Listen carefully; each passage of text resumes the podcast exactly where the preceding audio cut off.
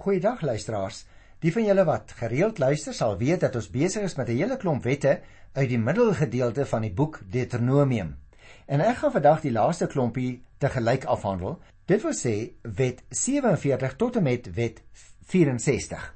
Kom ons begin dadelik want wet 47 behandel 'n saak wat vir ons so baie aktueel is, naamlik die hele saak van egskeiding en hertrou en so. Nou wil ek dadelik sê ons het nou hier met 'n Ou Testamentiese situasie te maak, maar dit is tog baie interessant om uh, om 'n slag met groot aandag daarna te kyk. Wet 47 begin uh, by Deuteronomium 24 en ek wil die eerste 4 verse eers so 'n bietjie lees. Wanneer 'n man en 'n vrou trou, kan dit gebeur dat hy haar nie meer liefhet nie, omdat hy iets onbetaamliks aan haar gevind het dan mag hy 'n skeybrief skryf en dit vra gee en haar uit sy huis wegstuur. Nou miskien moet ek eers net daardie eerste versie lees na gesels so 'n bietjie want jy sien baie mense dink dat vers 1 egskeiding verdedig. Maar dis beslis nie die geval nie hoor. Dis blote erkenning van iets wat teen daardie tyd lank al deel was van die volkskultuur. Met ander woorde, hier gaan nou 'n reëling getref word wat ingetree het as gevolg van die ongehoorsaamheid en sondigheid van die volk. Want die vraag is, hoe hanteer jy 'n situasie wat ontstaan het in die maatskappy? Nou wil die Bybel natuurlik nie hierdeur hê 'n man moet sommige om enige rede uh, van sy vrou skei nie. Die vier verse moet eintlik as as dit ware saam gelees word en daarom gaan ek nou nog van vers 2 af lees. Want ons moet daarmee verstaan wat hier gesê word in sy geheel. Jy sien egskeiding was 'n permanente en 'n finale stap in daardie tyd. Geen egpaar kon weer na 'n egskeiding met mekaar trou as een of albei na hulle egskeiding 'n verhouding met iemand anders gehad het nie. Met hierdie verbod wou die Here dus verhinder dat mense skei sonder om behoorlik daaroor na te dink en dan weer met 'n ewe ligsinnige gesindheid sommer instap in 'n volgende huwelik. Luister dus hier ook na vers 2 en 3 sy kan dan uit sy huis uitgaan en met 'n ander man trou.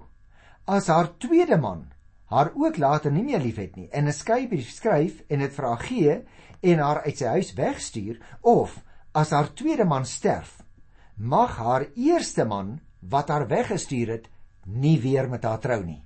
Sy is verontreinig. En as hy weer met haar trou, sal dit vir die Here iets afgruweliks wees. Jy mag nie die land wat die Here jou God vir jou as besitting sal gee onder jou sonde laat lei nie. Nou broer en suster, dis gaan dus hier om 'n baie spesifieke en 'n baie duidelike uitspraak. En daarom wil ek ook net hier sê en ons gaan dit ook behandel as ons in die Nuwe Testament kom. Egskeiding is 'n baie ernstige saak, maar hertrou is net so 'n ernstige en 'n belangrike aangeleentheid. Daarom moet 'n mens baie baie mooi dink voordat jy hertrou. Die korrekte Bybelse beginsel sal dus wees dat 'n vrou wat die, van haar man geskei het en eintlik geforseer is om te skei want sy wou nie skei nie. Daardie vrou sou eintlik Bybelse sproke weer kon hertrou. Maar die een van wie die egskeiding uitgegaan het, die beginselstandpunt daaroor behoort eintlik te wees dat hy nie weer behoort te trou nie.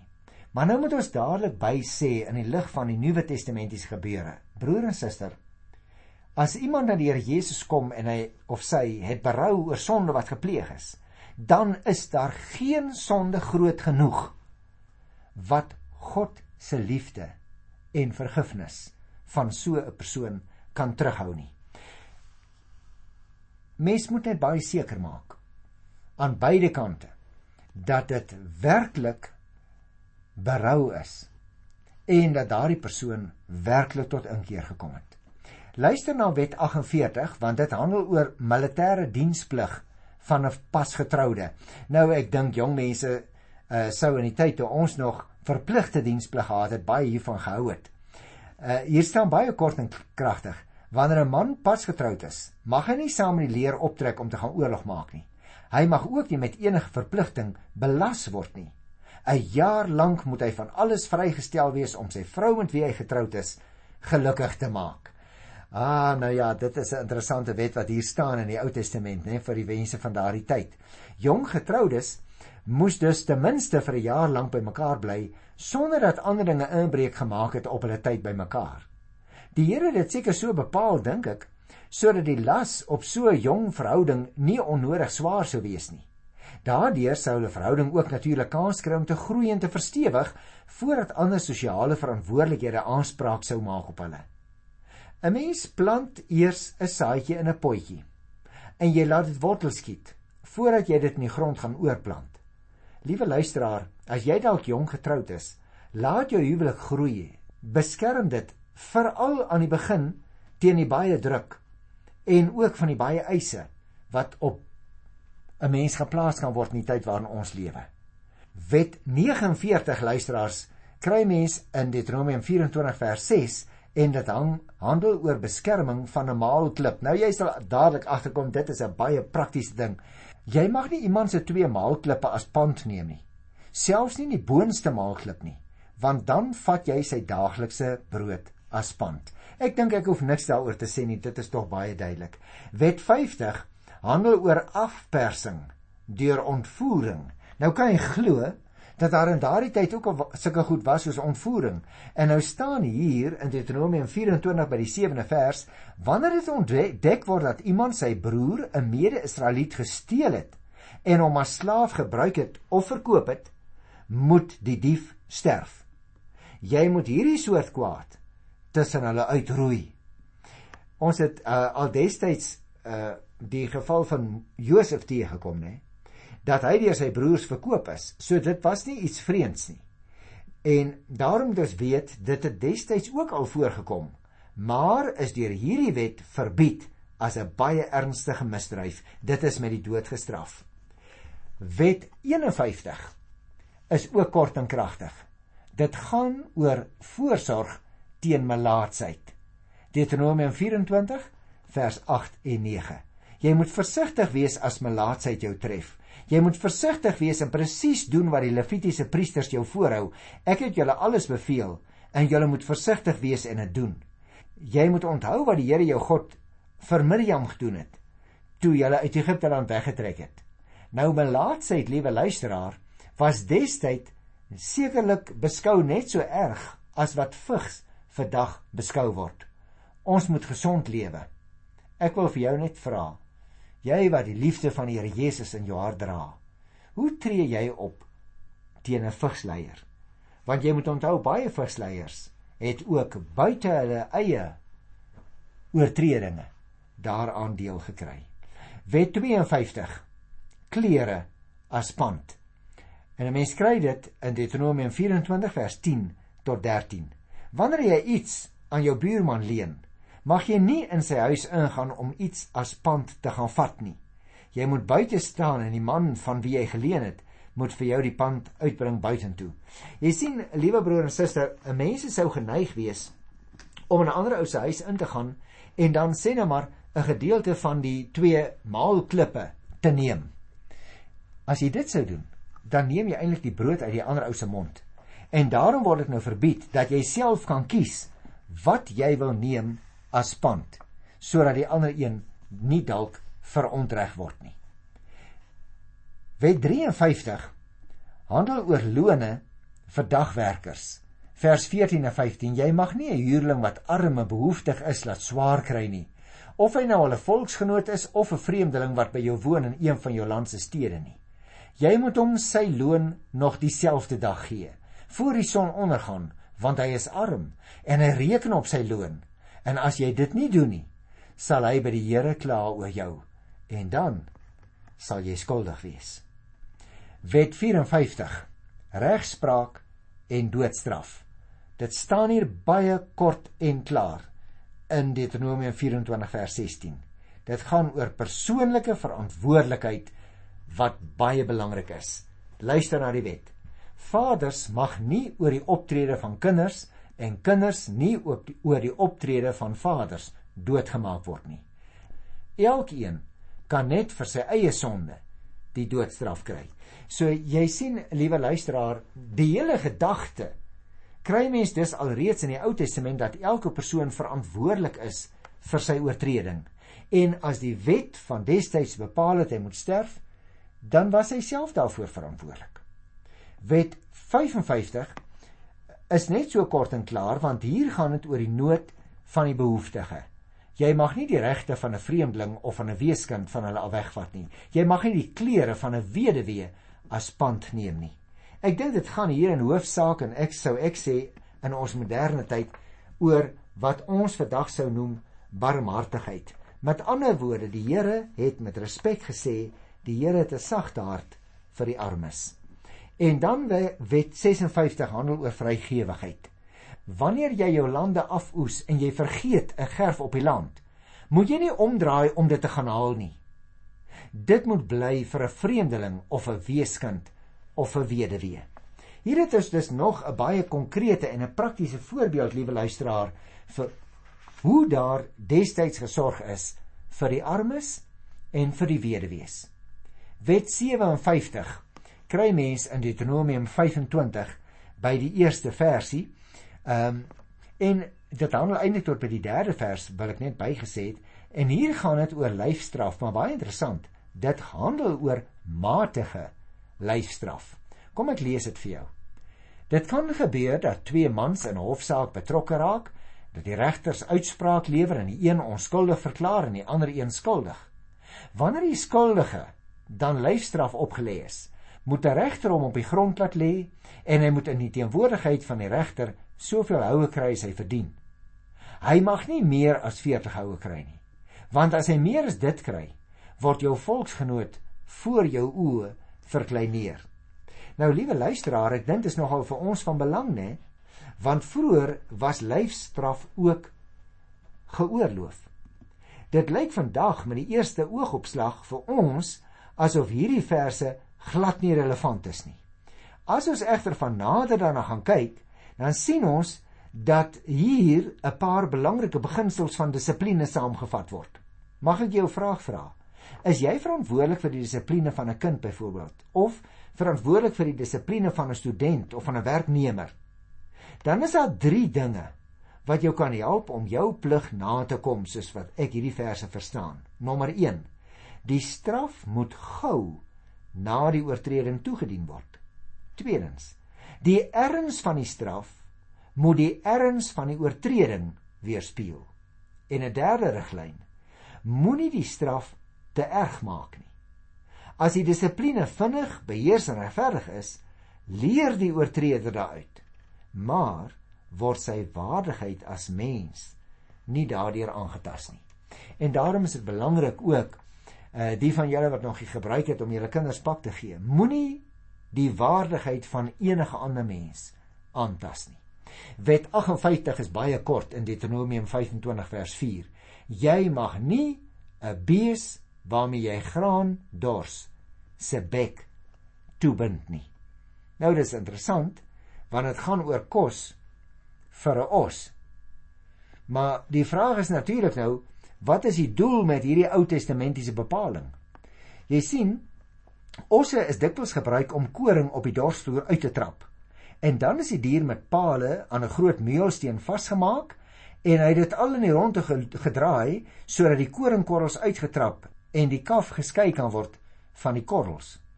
Die meulsteen het terselfdertyd die koring gemaal. As die bees se bek nou toegebind is, dan sou hy nie kon vreet terwyl hy werk nie. Tussen hakies, liewe luisteraars, Paulus gebruik hierdie selfde illustrasie ook in die Nuwe Testament wanneer hy verwys na mense wat vir Christus werk. Gaan kyk maar in 1 Korinte 9 vers 9 en 10 en 'n mens kry dit ook in sy brief aan Timoteus in 1 Timoteus 5 vers 17 en 18. En hy die klem daar daarop laat val dat mense wat Christelike werk doen ook in staat moet wees om sekere voordele te geniet en byvoorbeeld finansiëel ondersteun moet word. Nou goed, kom ons kom by wet 59. Die verantwoordelikheid van 'n swaar. Nou ek het hulle vorige keer hieroor gepraat en daarom wil ek dit ook heel kort doen want dit gaan hier liewe luisteraars oor die sogenaamde swaars of lefiraatshuwelik. Ek lees net 'n versie of wat en dan praat ek so 'n bietjie daaroor. Wanneer broers saam woon en een van hulle sterf sonder 'n seun, mag sy weduwee nie met 'n buitestander trou nie. Haar man se broer moet met haar trou en so sy verantwoordelikheid nakom teenoor sy broer. Jy kan dit verder gaan lees, maar kortliks 'n paar opmerkings. Hierdie sogenaamde liefderaadshuwelik uh moet mense so sien in die lig juis van hierdie wet. Want hierdie wet luisteraars verduidelik die gebruik waar 'n weduwee met haar oorlede man se broer moet trou. En die doel met so 'n huwelik was baie eenvoudig. Die voortsetting van die man se naam en posisie as erfgenaam. Ons moet tog onthou familiebande was baie belangrik in die ou Israelitiese kultuur. 'n Mens se naam is deur jou nageslag vir ewig. Dit beteken dat 'n man se geslagslyn beëindig sou wees as hy weduwee met iemand uit 'n ander familie trou. Jy sal nog onthou ons het daaroor gepraat toe ons die voorbeeld van Tamar in Genesis 38 behandel het met mekaar bespreek het. En dan kom ons by die 60ste wet. Dit staan hier in Deuteronomium 25 vers 11 en 12. Wanneer twee mans beklei en die een se vrou kom help haar man teen die ander deur wie haar man geslaan word en sy gryp die ander man aan sy geslagsdeel, moet haar hand afgesny word. Jy mag geen genade betoon nie.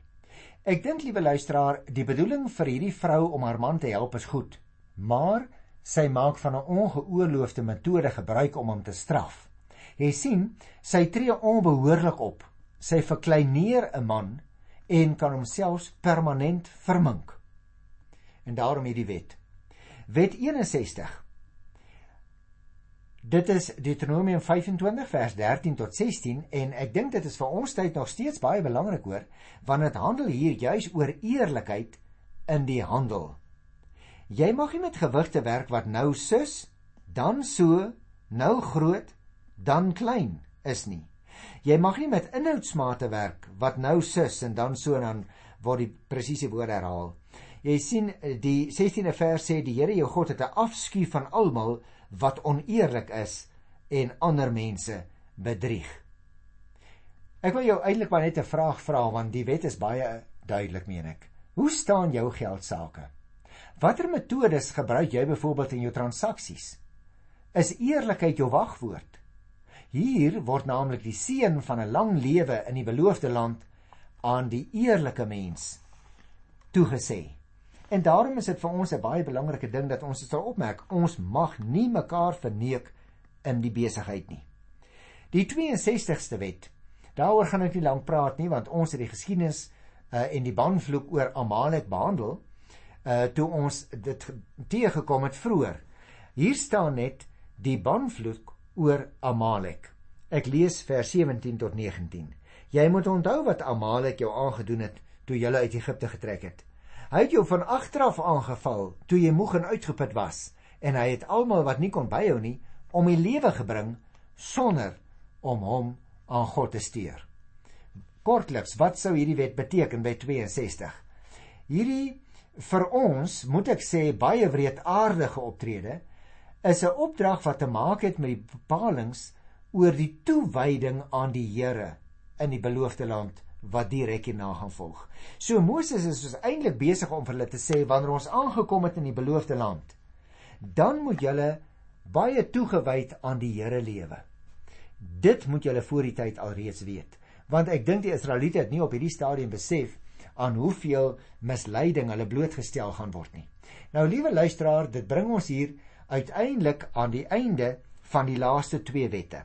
Wet 63 is iets wat oor die kultus handel.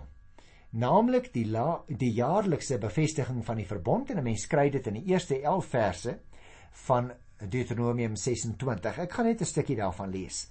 Wanneer jy in die land kom waar die Here jou God en jou gee as jou eiendom en jy dit besit en jy daarin woon, moet jy van elke eerste oes wat jy insamel in die land wat die Here jou God en jou gee, 'n deel vat en dit in 'n mandjie sit en daarmee na die plek toe gaan wat die Here jou God sal kies om sy naam daar te laat woon.